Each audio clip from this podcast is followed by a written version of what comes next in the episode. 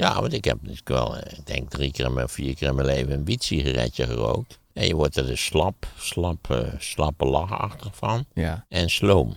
ja. En ik krijg koude vingers. Het verlossen, kunt u mij horen? Lees je de Volkskrant nog wel eens? Nee, eigenlijk alleen. eh, want Ik was twee dagen op Texel in het hotel werd die aangeboden. En volgens mij de NRC niet. Of ik dacht, die heb ik toch thuis. En ja, wat me altijd bij de Volkskrant en de NRC opbellen, eh, opvalt, is dat ze echt sprekend op elkaar lijken. Ja, dat heb je al verteld, ja. Maar De ene heeft fok en suk en de andere niet. Nee, dat, ik, nou, dat, het zwakke punt van de Volkskrant is zonder meer, ik geef dit advies gratis en voor niks, dat ze geen achterpagina hebben. Ja, De achterpagina's zijn altijd eh advertenties. goedkope zon, z- eh, zomerameubelementen en dat soort van rommel, waar je echt helemaal niks aan hebt. Maar ik kijk altijd bij de NRC eerst naar de achterpagina, dat is het eerste wat ik lees. Lekker rommelig ook, hè? Ja, er staan allemaal ja, verwarde en irrelevante berichten op. Dat is, eh, ja, heerlijk spul is dat. Ja. Maar de Volkskrant werkt nu aan een artikel over het monstergedrag van eh, Matthijs van Nieuwkerk bij de Wereld Draait Door achter Ja. de schermen. Dat, Dat schijnt een heel groot stuk te worden, schijnt, eh, daar zijn ze nu mee bezig. Ja, dat heb ik begrepen. Dan moet ik zeggen, uit de achterklap. En niet dat ik me daar nou veel en intens mee bezig hou. Maar heb ik wel eens eerder gehoord dat, dat, eh, dat zijn gedrag intern eh, niet, niet altijd even aangenaam was. Ja, maar dat het toch door Maar ja, dat, daar geldt altijd voor wat, wat je ook altijd moet zeggen in zulke gevallen. Als dat zo is, haal het boven water. Zorg dat je meerdere getuigen hebt. En dan kun je dus een mooi stuk schrijven. Ja. Maar goed, de Volkskrant is iets anders dan de privé, dus dat zij dan nu over schrijven, is dus, dat is dus het is een serieuze krant. Het is een kwaliteitskrant. Ja, dat, ik denk, ja, die geruchten lopen volgens mij al heel lang. Eh, niet dat die verschrikkelijk gespecificeerd waren, maar wel dat die zich wel eens misdroeg. Ja, Ik ben een keer bij College Tour opnames geweest. Dat maakte Twan Huis toen. Nu nog steeds trouwens. En daar was Matthijs toen te gast. En daar waren in het publiek ook eh, ja, studentes. En die eh, spraken Matthijs daarop aan. Die zeiden van ja, ik heb een vriendinnetje en die heeft bij jou gewerkt. En die is er toch uitgegooid. Ja, en dat is niet op een elegante manier gegaan. En er werden ook allemaal details gedeeld. Dat heeft de opnames uiteindelijk niet gehaald. Hij moest daar wel op reageren. Maar dat speelde toen al. Dat is denk ik misschien al tien jaar Ja, geleden. nogmaals, ik heb dat ook al, al meerdere malen Ja. heb ik dat gehoord dat het zo was. Ja. Maar Ja. goed, dan, ja, nogmaals, mijn advies is zorg, zoek, zoek het uit. Zorg dat je getuigen hebt die ook niet anoniem getuigen, maar die bereid zijn om te getuigen. En dan, dan, dan kun je dat opschrijven. Ja, ja. Ja, er zijn mensen die ook zeggen van ja, hij heeft zo'n goed programma gemaakt omdat hij zo streng was. Hè? Want hij zou vaak Nou ja, uitflippen. dat is de klassieke, natuurlijk de klassieke verklaring. Ook eh, de mensen die ik daar wel eens over gehoord heb, zeggen ja, het is eigenlijk heel dubbel. Hij misdraagt zich in zekere zin en tegelijkertijd is hij een perfectionist. En omdat hij zich misdraagt en omdat iedereen doodsbang voor hem is, wordt, wordt de kwaliteit van het programma beter. Of ik een voorstander ben van een dergelijke houding, nou, daar heb ik mijn twijfels over. Maar goed, ik bedoel, ik, eh, ik heb nooit een programma geleid en ik wil ook helemaal geen programma leiden, absoluut niet. Is niet Ik zo... heb nooit enige ambitie gehad om leiding te geven ergens. Ja, maar dit is, kijk, je Ik heb kunt- wel moeite genoeg met leiding aan mezelf te geven. bij de slimste, dat is een kwalitatief ook een hoogstaand programma met hoge kijkcijfers. Hartstikke gezellig, joh. Ja, Het is niet zo dat Philip daar de autocue staat uit te schelden. nee, helemaal niet. Helemaal niet. Het is juist zo'n aardig programma, zoals ik er toch al lang mee opgehouden. Het is een uitje. We beginnen morgen weer. Ja, het is niet zo dat... Want dat is wat ze zeggen. Als Matthijs de autocue niet te snel genoeg draaide, dan kreeg hij er van langs na afloop. Ja, nou is dat natuurlijk ook voor degene die van de autocue moet lezen, is dat ook vrij vervelend. Goed. Eh, ja, nou ja, ik zou zeggen, laten we het stuk afwachten. Wij, wij zijn niet gedetailleerd op de hoogte. Nee. En, en, Ja, maar jij bent er wel eens Kunnen. geweest. Je hebt het nooit gemerkt. nee, ik heb nooit dit tijdens de. Ik ben wel eens bij die uitzendingen geweest, overigens. eh, Na een bepaald moment vrijwel helemaal niet meer. Nee, dat weet ik. Maar toen je er wel vaak kwam, heb je dat niet gemerkt, zeg maar, voor de uitzending en na de Nee, uitzending. helemaal niet. Heb ik helemaal niet gemerkt. En niemand zei tegen mij, oeh, daar heb je de dictator of zo. Nee. nee. Ja, wat zo zeggen. Zo geestig. dat- Hoe onze, onze Luxemburgse EU-voorzitter, Orbán, die kwam aanlopen. Toen zei die, Luxe, zei die Luxemburgse voorzitter van ons, hoe heet die nou? Die, Met het brilletje. ja, die zei, ah, daar hebben we de kleine dictator. Dat was echt enorm geestig. En hoe werd erop gereageerd? Ik heb dat Eigenlijk niet helemaal niet. Het was- Het was eigenlijk een, een, een, komisch momentje. Oké. Hey, we hebben de tank genoemd. Ga je daar nu iets over vertellen? Nee, ik heb, ik heb mij nog eh, niet verdiept in de tank. Ik had een hele drukke week. Maar Oké, dan doen we dat de ik heb nog wel een thema waar ik wel iets over wil zeggen. Ja. En dat betreft eigenlijk de kwestie. Hé, hey, daar hebben we Sunny. Zij kijkt studieus eh, de andere kant op en gaat waarschijnlijk bij ons naar het hek naar binnen. Klopt dat ook of niet? Even kijken. Eh, ze staat nu te kijken en eh, ze loopt nu weer door. Oh, Ze gaat nu in de container staan kijken. oh dat is niet zo best. Oké, Moeten we haar roepen? nee. Nee, nee, nee, nee, ik, ik, eh, we gaan niet mensen concreet beïnvloeden vanuit deze auto. Nee, nee, nee. Ik zit even kijken wat ze doet. Nee, ze staat er nu nog steeds te kijken. Ze loopt niet door. Nu wel. Woont zij hier in de straat? Nee, een vriendin van mijn Oh, oké. echtgenoot. Oké. Ehm waar hadden we het over? Ja, eh, een, een interessant probleem. Daar had Economist namelijk ook een heel lang stuk over. Dat is ook een van hun favoriete themata. En dat is, eh, moeten we niet eens heel serieus praten over de strijd tegen de verdovende middelen. In het bijzonder de cocaïne. Omdat dat natuurlijk een rampzalige zaak is. eh, en zegt dat op geen enkele wijze is, is, eh, wordt het effectief bestreden. Eigenlijk blijkt voortdurend dat de manieren om het te bestrijden, dat die niet werken. Contraproductieve effecten hebben. Nou ja, kortom, eh, bovendien hele vervelende uitstralingseffecten hebben. Het is natuurlijk, het zijn in Latijns-Amerika zijn het eh, uitgesproken criminele, omvangrijke en gewelddadige organisaties. En, en als die cocaïne natuurlijk vervolgens gedistribueerd wordt naar de Verenigde Staten en naar Europa en trouwens ook allerlei andere gebieden, eh, dan distribueer je eigenlijk ook die gewelddadigheid van die criminele organisaties. Dus wat te doen? En de Economist heeft ook al meerdere malen ook in het verleden gezegd, je moet toch serieus overwegen om die dingen te legaliseren. Eh, om te zeggen van, ja, we houden op met de cocaïnebestrijding. Vergeet niet dat iedereen vrijelijk cocaïne kon gebruiken tot 1914. En dat gebeurde ook op grote schaal. En dat had ook wel, wel, wel vervelende negatieve effecten. Maar eigenlijk heb je het over het probleem: hoe weeg je af de negatieve effecten van de verbodsbepalingen die niet werken? En de eventuele negatieve gevolgen van een legalisering van de cocaïne. Want natuurlijk veel mensen zullen zeggen, ja, het is een beetje gek dat je de ene harddruk wel tolereert en bevordert, namelijk alcohol. Eh, en, en misschien slaappillen en wat je allerlei andere rommel waar je levensgevaarlijk verslaafd aan kunt raken. En dat we hier dus een eindeloze, hopeloze strijd voeren, waar we miljarden in steken zonder dat het enig effect heeft. En nou ja, god, in ons land is een advocaat vermoord, is Peter R. de Vries is vermoord. Eh, Italië gaat zijn gang, maar de, de, de broer van de kroongetuige is vermoord. Eh, nou, kortom, eh, het is kennelijk zo dat als die een opdracht geeft, wordt die uitgevoerd. Je begrijpt nooit waarom die gekken dat doen. Die voor betrekkelijk kleine bedragen zo'n man doodschieten. En vervolgens 27 jaar achter de tralies moeten. Dat je denkt van, nou, wel een hele, hele ongelukkige deal in feite. Maar goed, en, en je kunt natuurlijk zeggen, ja, dat moeten wij bestrijden. En we moeten een speciale organisatie oprichten. Nou, we weten hoe dat afgelopen is in het ministerie van Veiligheid en Justitie. Daar hebben ze dus, eh, begreep ik, drie jaar ruzie gemaakt zonder dat er iets tot stand is gekomen. En de nu zittende minister heeft de hele unit heeft ze opgeheven. Kortom, onze strijd tegen de, tegen de cocaïne criminaliteit is, is hopeloos. Geef het maar toe, het is hopeloos. Dat zal ook elke burgemeester zal je dat vertellen. Elke commissaris van politie zal je dat ook vertellen. Wordt het dan niet tijd dat we toch naar legalisering kijken?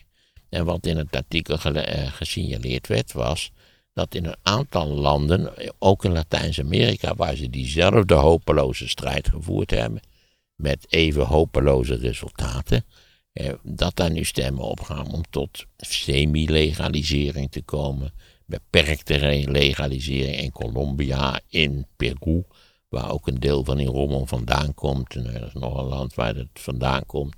En, en zouden we daar niet een voorbeeld aan moeten nemen? En hoe zouden wij dat dan moeten aanpakken hier? Ja, want het gekke is natuurlijk dat allerlei dingen die verboden zijn eigenlijk oogluikend worden toegelaten. We denken aan de wiet. Die mag je dus aan de voordeur kopen in kleine porties. En aan de achterdeur mag het niet geleverd worden, wat natuurlijk een totaal krankzinnig systeem is.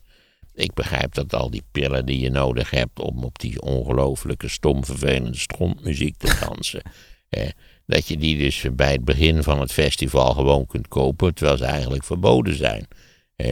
En ook nog op het festival, ja. Weet je, XPG, XKK. Ecstasy. Ecstasy, precies, dat soort rommel.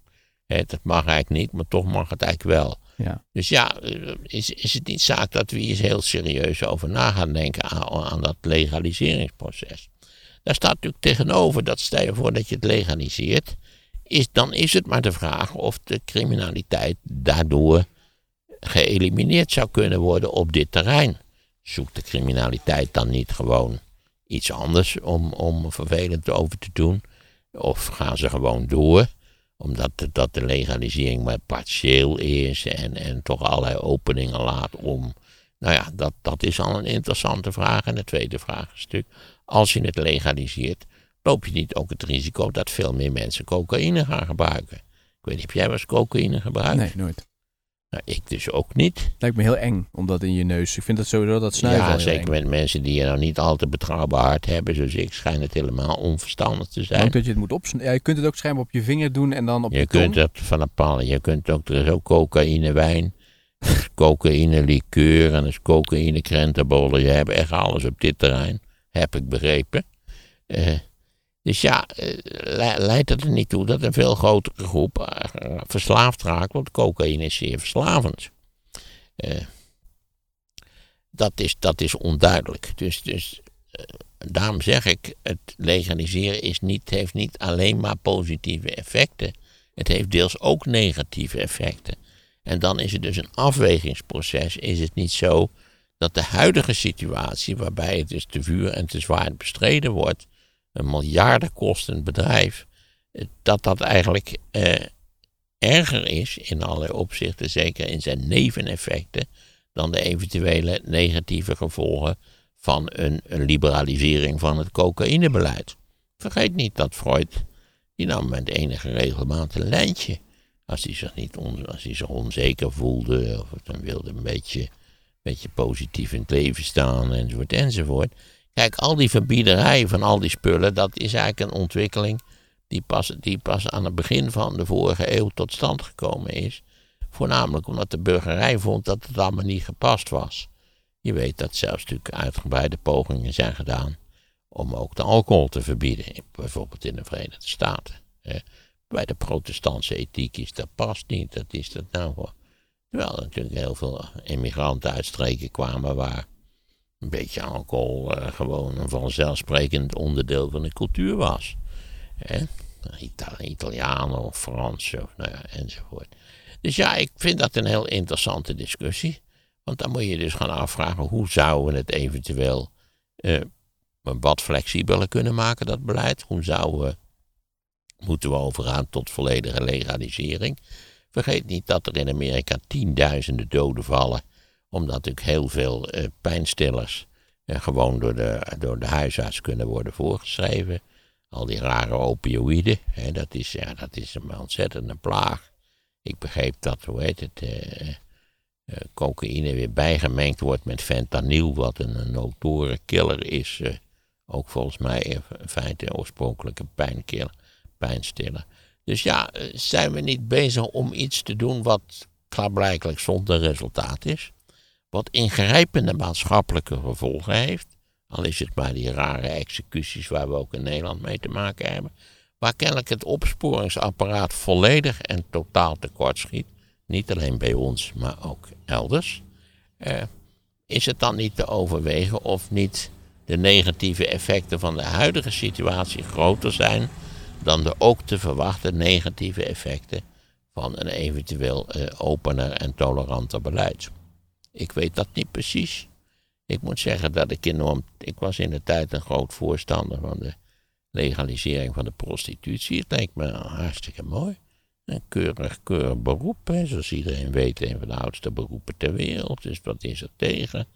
Dat ze ook regelmatig een arts kunnen bezoeken, dat ze belasting betalen, dat ze in een keurige doorzonwoning kunnen wonen enzovoort. En we hebben het gelegaliseerd en het, het, het heeft nog steeds een hele vervelende criminele kant. vrouwen smokkel en ja, zo. meisjes die met, met volledig verkeerde, onder verkeerde voorwensels hier naartoe gelokt worden. En natuurlijk een semi-slavinnen gevangene bestaan moeten leiden. Dus ja, mijn, mijn typische liberale hoop dat het, dat het de zaak eh, in feite eh, zou verbeteren, die is, die is niet bewaarheid. Zou je dat risico ook niet lopen in het geval van cocaïne? Is het de moeite waard om bijvoorbeeld een paar deelexperimenten te doen? Dus te kijken hoe het gaat. Denk aan onze officiële wietkwekerij, nou stond daar een stuk over. Je bedoelt de wietpas die we ja, hebben? de wiet. Ja. Nee, dat is ook dat, dat, dat er natuurlijk nu officiële uh, uh, gelegaliseerde oh, ja. Waar gemeentes wiet gaan telen. Dat soort verhalen. Ja, dan lees je hoe dat in elkaar zit en dan denk je ook weer... Wat, wat, wat voor een zonderlinge schimmelziekte heeft toch onze overheid bevangen... die werkelijk tot niets in staat is. Ik wil wedden dat jij en ik niet waar... bij opdracht krijgen om een legale wietkwekerij op te zetten... dat we dat in een week voor elkaar hebben... Eh, Weer op de zolder. bijvoorbeeld. we, huren een oude plantenkast, weet ik veel. En dat erop, daar zit dus geen enkel schot in, want dat hebben we besloten. Paul de Pla is er voorstander van, hè? de burgemeester. Ja, nee, dat, iedereen is er een voorstander van, alleen gebeurt het niet. Omdat wij niks meer kunnen. Wij kunnen helemaal niks meer. Wat dat betreft doen we een beetje denken aan het Russische leger. Ja. Nou, we zijn kenniswerkers, hè? Nou, je, je zit toch niet een heel interessant fenomeen. Dat is ook instituties, dat die slijtage vertonen. Dat die na enige tijd niet meer goed functioneren. Dat, dat, dat er ook allerlei mensen in dienst zijn gekomen, nou ja, waar je ook sterk het gevoel hebt dat het, dat het flauwekulbanen zijn. Alle mensen, managers en, en coördinatoren en mensen die protocollen opstellen en waar je er is toch zo'n boek over, eh, over schijnbanen, als het ware. Mm. Die man die bepleit misschien iets te radicaal dat je gewoon 30% van die banen zou kunnen opheffen. Ja. Dus is het niet zo dat een deel van ons overheidsapparaat eigenlijk een soort, soort werkgelegenheidsproject is? Mm. Ja, je moet al die mensen die we, die we niet meer in de industrie en zo kunnen gebruiken, moeten ergens naartoe. En daarom denk ik wel eens, zou dat, dat leiden tot die tot die rare, non-productieve vergadercultuur die we gecreëerd hebben. Dat zou best wel kunnen, ja. Dat is heel interessant wat je noemt. Of die rare institutionele ruzies. Groningen, de toeslagenaffaire. De een na de andere, waar je denkt, de overheid is totaal incompetent. Ja, dat is toch schokkend. Maar ook, ze kunnen ook een legaal wietkwekerijtje, dat kunnen ze ook niet. Half Nederland staat vol met wietkwekerijen, maar een legaal wietkwekerijtje, dat kunnen we niet. Je zou zeggen, je kunt het opzoeken, hoe dat moet. Of je neemt iemand in dienst die dat dus illegaal doet. Nee, ze hebben nog allerlei dingen te bespreken. De ene gemeente wil dit en de andere gemeente wil dat, want het is dan een gemeentelijk project. Ja. Want je weet, een van de redenen dat we niets meer kunnen, dat is natuurlijk dat Den Haag uitgevonden heeft. Dat als je een heel vervelend probleem hebt, wat je niet zo 1, 2, 3 weet op te lossen, dan gooi je het over de schutting naar een andere institutie waar jij niks mee te maken hebt. Provinciale staten, de gemeentes. Hè, dat is Rutte's techniek. Rutte lost nooit iets op, maar Rutte is een enorme over de schutting gooien. Hij weet precies hoe je dat moet doen bij nacht en ontij. Niemand let op en paf, heeft hij een heel probleem over de schutting gegooid. Hè? Ja, daar ligt het dan aan. Je zult dat met die stikstofaffaire, want je, die, gaat, die gaat de overheid niet oplossen. Die gaan de provincies oplossen. Ja, dat heeft u nu al gezegd. Ja, en je begrijpt dat die provincies daar helemaal geen puff in hebben. Want die zijn de klos, politiek ook. Want zij kunnen het niet meer verder over de schutting gooien. Ja, de provincie... Nou ja, dat, misschien zouden ze nog... Misschien moeten we ergens een plek inrichten waar alles, wat, waar alles naartoe gegooid kan worden. Eigenlijk, eigenlijk is dat misschien al wel zo. Dat zijn al die vergadercircuits in Nederland. Hè? Want als, als die eenmaal zo'n zo'n zaakje te pakken hebben, nou jongen... Ze vergaderen en ze vergaderen. En ze maken ruzie en ze vergaderen door. En, maar er komt nooit wat uit. nee, nee ik, ik hoor ook wel eens verhalen over het onderwijs. Dat is helemaal volgepakt met coördinatiecommissies, overlegcommissies, eh, op commissies die de verschillende onderdelen van het institutionele apparaat moeten. Nou nou ja, dat je echt denkt, nee, het verbaast je niks dat er nooit iets uitkomt. Maar het is natuurlijk wel een probleem. Dus de slijtage van, van, van oorsprong redelijk werkende instituties. En natuurlijk, zolang je bij de les wordt gehouden door een concrete activiteit, valt het wel mee. Maar daarbuiten kunnen zich nou ja, een soort, soort oerwoud, een soort struikgewas van incompetentie kan zich daar ontwikkelen. Dat je toch ook in Nederland eh, overal een coach voor kunt krijgen. Hebben wij ooit overwogen om deze podcast te laten begeleiden door een podcastcoach? We hebben Koos hebben we natuurlijk. Ook coach, dat was ik vergeten, ja. Professor Koos, de podcastprofessor Ja. van de Universiteit Groningen. Ja, Koos de podcast, ja. Heeft hij nog van zich laten horen? nee, hij is, niet? verba- hij is heel verrassend stil de laatste tijd. Nou goed, misschien kunnen we een andere coach krijgen. Het is een beetje, misschien die kan op die andere stoel voorin zitten. Dat zou wel lollig zijn. Maar bij die, bij die gemeentes, hè, dat, vind ik, dat triggert mij wel. Je kunt natuurlijk zeggen, iemand die dit voorheen illegaal deed, die nemen we in dienst. Die weet Ja, dat precies zou wat je moet. zeggen, met dieven vangt men dieven. Ja, en dan heb je... catch a thief. Precies, hè. maar die kun je dan ook een Leuke goede baan film ook. En die trek je dan uit het illegale circuit. Ja. Dan heb je daar weer een probleem minder. Ja, maar goed, lees dat stuk. Het stond in de NRC. Wat jij Dat nu net het- aanhaalt. Ja, Oh, ik dacht The Economist dat je noemde. Nee, dat, dat, dat is weer een ander stuk. De NRC stond over die, eh, Ja. die gemeentelijke wietkwekerijen. Dat dat ook eh, niet van de grond komt. Ja, overigens moeten we nog eventjes aan. eh, we hebben veel reacties ook over dit onderwerp gekregen. We hadden vorige week namelijk een jongen die op ADE was. Dat is dat drugsfestival in Amsterdam. Hè, dus het dancefestival. Ja, eigenlijk. ontzettend leuk stukje had hij geschreven. Ja, had een glaasje bier gedronken en de hele rest die was zo stoned als een aap, werkelijk. nou ja, nog wel meer dan Stone Ja. alleen. Maar hij zei ook dat er, dat er dus voor dat het helemaal is ingericht op drugsgebruik. Dus hij zei een broodje kun je dan niet krijgen. En daar hebben we heel veel reacties op gekregen van mensen dat dat echt niet zo is. Oh, Dat je echt wel een broodje kunt krijgen, broodje kroket en patat en dat soort dingen. Dat is allemaal. ja, je kunt de cocaïne, cocaïne kroket schijnt ook mogelijk te zijn. ja, Dus, dat is eh, niet. Ja. hè, net als je vroeger had je spacecake, toch? Ja.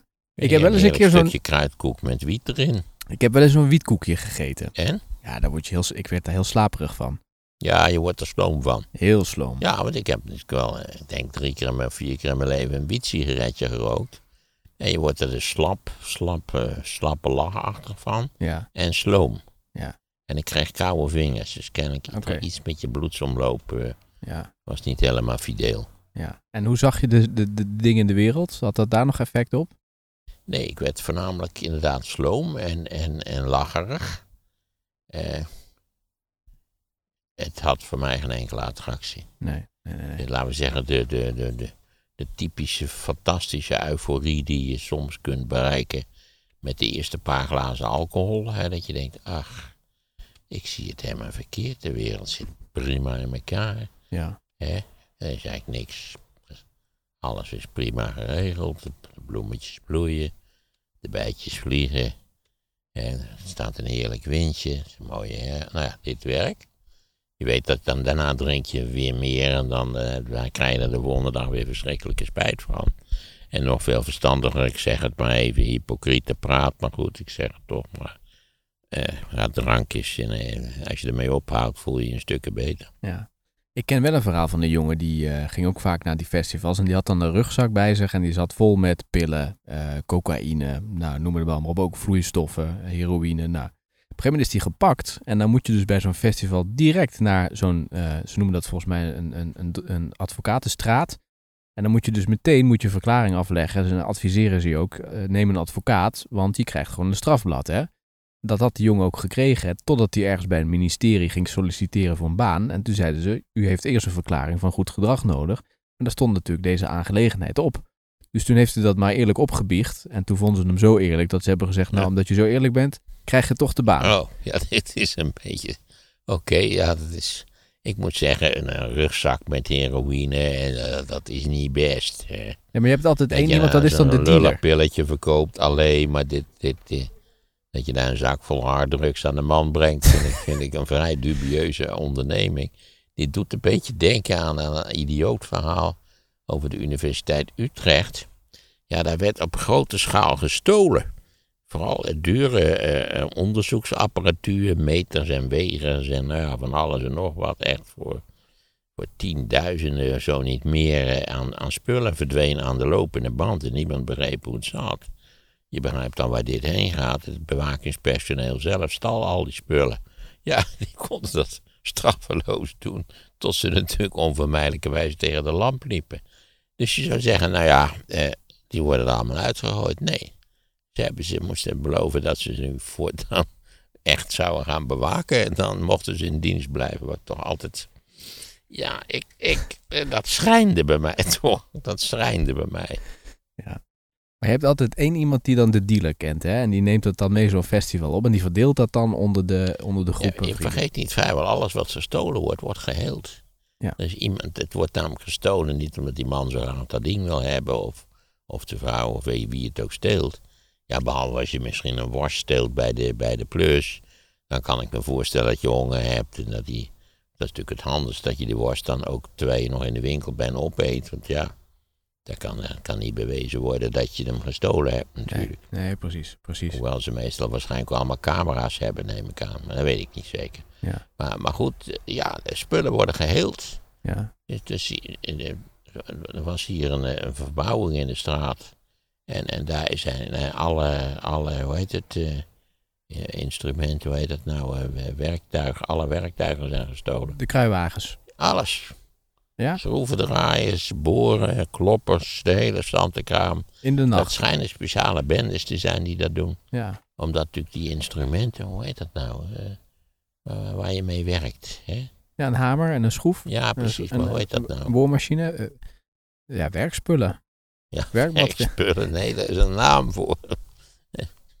U hoeft niet schriftelijk te reageren Jij bent van de slimste. op dus, deze eh, verwarring, maar eh, ik kan er nu even niet opkomen. Het zijn, het zijn natuurlijk instrumenten, ja. Werktuigen zijn het ook. Maar er is een nog een beter woord materieel. voor. Wat? Materieel. Nee, want materieel, dat zijn ook bakstenen, dus dat, eh, dat doet niet mee. Ja, je ziet dat je zo'n zo'n woord en dan, je weet dat je het weet, maar je kan er niet op komen. Nou, die komen Maar op hoe terug. dan ook, er zijn bendes die dus in feite werktuigen stelen.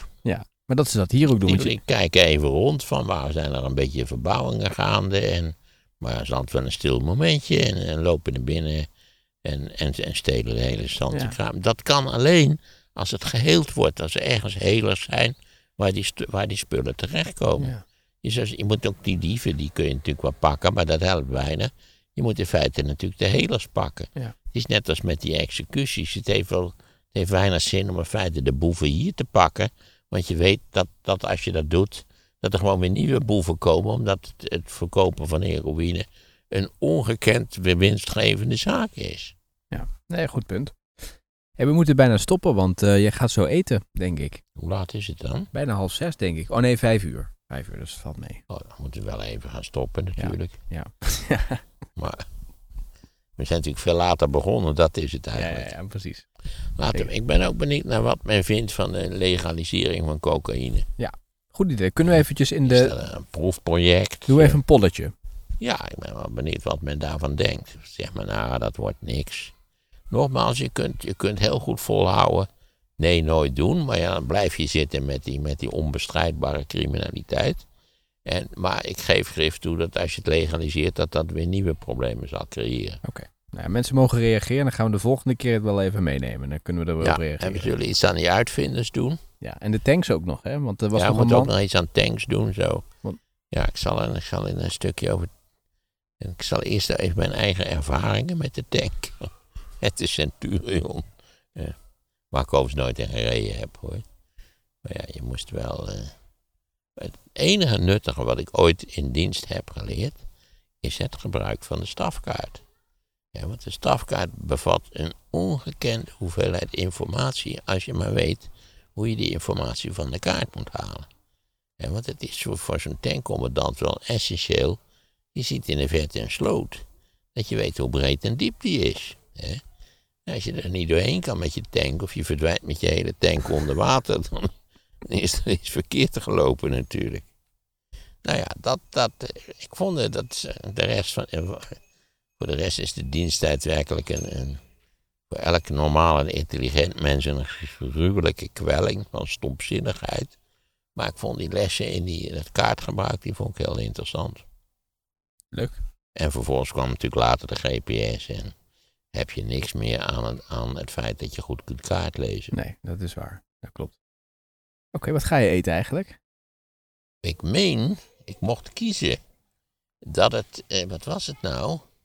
Soep, het zou soep worden. Maar nou ben ik de groente.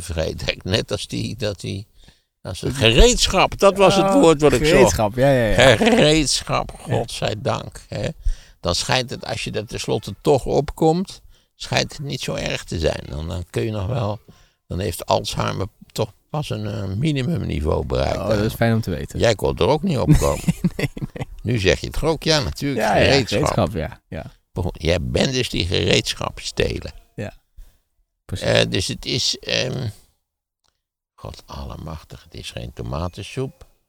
Het is geen erwtensoep. Broccolisoep. Het is geen broccolisoep. Het is prijssoep. Prijssoep, oké. Vind ik wel lekker. Alleen Dank prijssoep dan?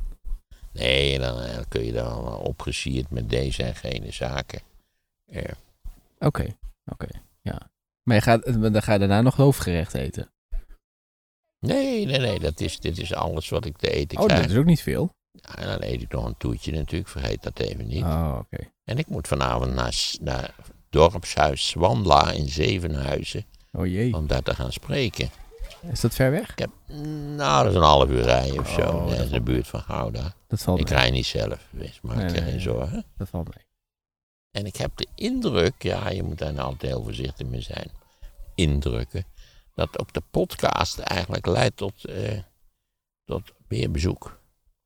Bij de, als jij ergens Nou bent. ja, ik heb de afgelopen week nog een paar lezingen gehouden. En twee keer was het eh, glad uitverkocht. Ja, dat is mooi toch? Mensen Ja. hebben er ook wel zin in om eh, lekker eh, erop uit te gaan. Ja, dus misschien, ja, dat kan het ook zijn. Dat ze eindelijk verlost van. Dat zou kunnen. Ja, dat is nu toch ook weer. De, de klok gaat nu weer terug, hè? Een uur. Ja, vannacht krijgen we een uur cadeau. Dat is een heerlijk uur. Hè? Dat je, dat je, zo een, je krijgt een uur cadeau. Dat je, je moet nu al gaan denken, wat zal ik nou eens met dat uur gaan doen? Hè? Iets totaal lichtzinnigs zou ik ook zeggen. Hè? Ga een schitterend plaatjesboek kijken of een, of een, of een, een, een natuurserie op, op, op Netflix of aan een van die andere zenders. Eh, iets, iets, of, of, een, of misschien een oude Disney-film. Of, of, nou ja, ik vind wel dat het, het moet, moet dus iets speels zijn, iets wat toch leerzaam is. Ja, ja. Wat je anders niet gedaan zou hebben nu, maar je hebt nu een extra uur. Maar ben je dan ook depressief als die in het voorjaar vooruit gaat? Nou, ik vind dat wel een klote streek dat je er een uur kwijtgaat. Ja, ja, Het is nou dat je weet dat je dan weer een uur weer terugkrijgt. Aan het eind van oktober. Maar op het, als het gebeurt, vind ik het altijd een klote streek. Ja, dat snap ik wel, ja. Ja, ja, ja. ja. Oké, nou interessant. Ik wilde nog iets zeggen, maar wat, wat, wat was dat nou ook alweer? Je had het erover van eh, dat, het, dat het goed vol zat. Ehm, en ehm, Ja, ik heb geen idee hoe het er vanavond bij zit. Nee, Dus ik moet, nee. we gaan het even afwachten. ja, oh, ik wilde z- boerderij van Dorst zag ik dat dat weer begon. De dag daar ben je natuurlijk ook een keer te gast geweest. Zeker. Ja, ze had nu Whalen kwam langs. En eh, ja, ze, doet dat wel leuk hoor, die eh, Raven. Ja, Heel dat leuk vond programma. ik ook wel. Ze deed dat prima. Ja, maar zij woont daar niet hè? Nee, zij woont daar niet. Want dat doet ze En doet wel als ze daar de hele zo... Organisatorisch vond ik althans toen ik er was, want er kan nog wel een en ander aan. Oké, want ze... Nou ja, ik heb al eens eerder verteld, het is maar goed dat ik leesvoer bij me had. Want ik, ik heb daar ook vier uur in een kamertje gezeten. Terwijl er verder geen kloot gebeurde, omdat, omdat zij met Emma Wortelboer, ik meen, een touwtje ging kopen in Apeldoorn. Zoiets was het. Ik ben nou vergeten hoe het zat. Maar, dus nee, qua productietechnisch eh, ontbrak er nog wel wat aan. Oké, misschien hebben ze dat verbeterd. Maar een leuk programma. Maar zij doet dat hartstikke Heel leuk, ja, ja, dat is heel leuk. Oké, dus Whalen en eh, die, die van Lil Kleine, die, Ja, die ex van Lil Kleine komt ook langs. Nou, allemaal als ik dit zo hoor, ben ik blij dat ik daar nu dan niet naartoe hoef. En ik ben, ik ben geweest, dus daar houden we het bij.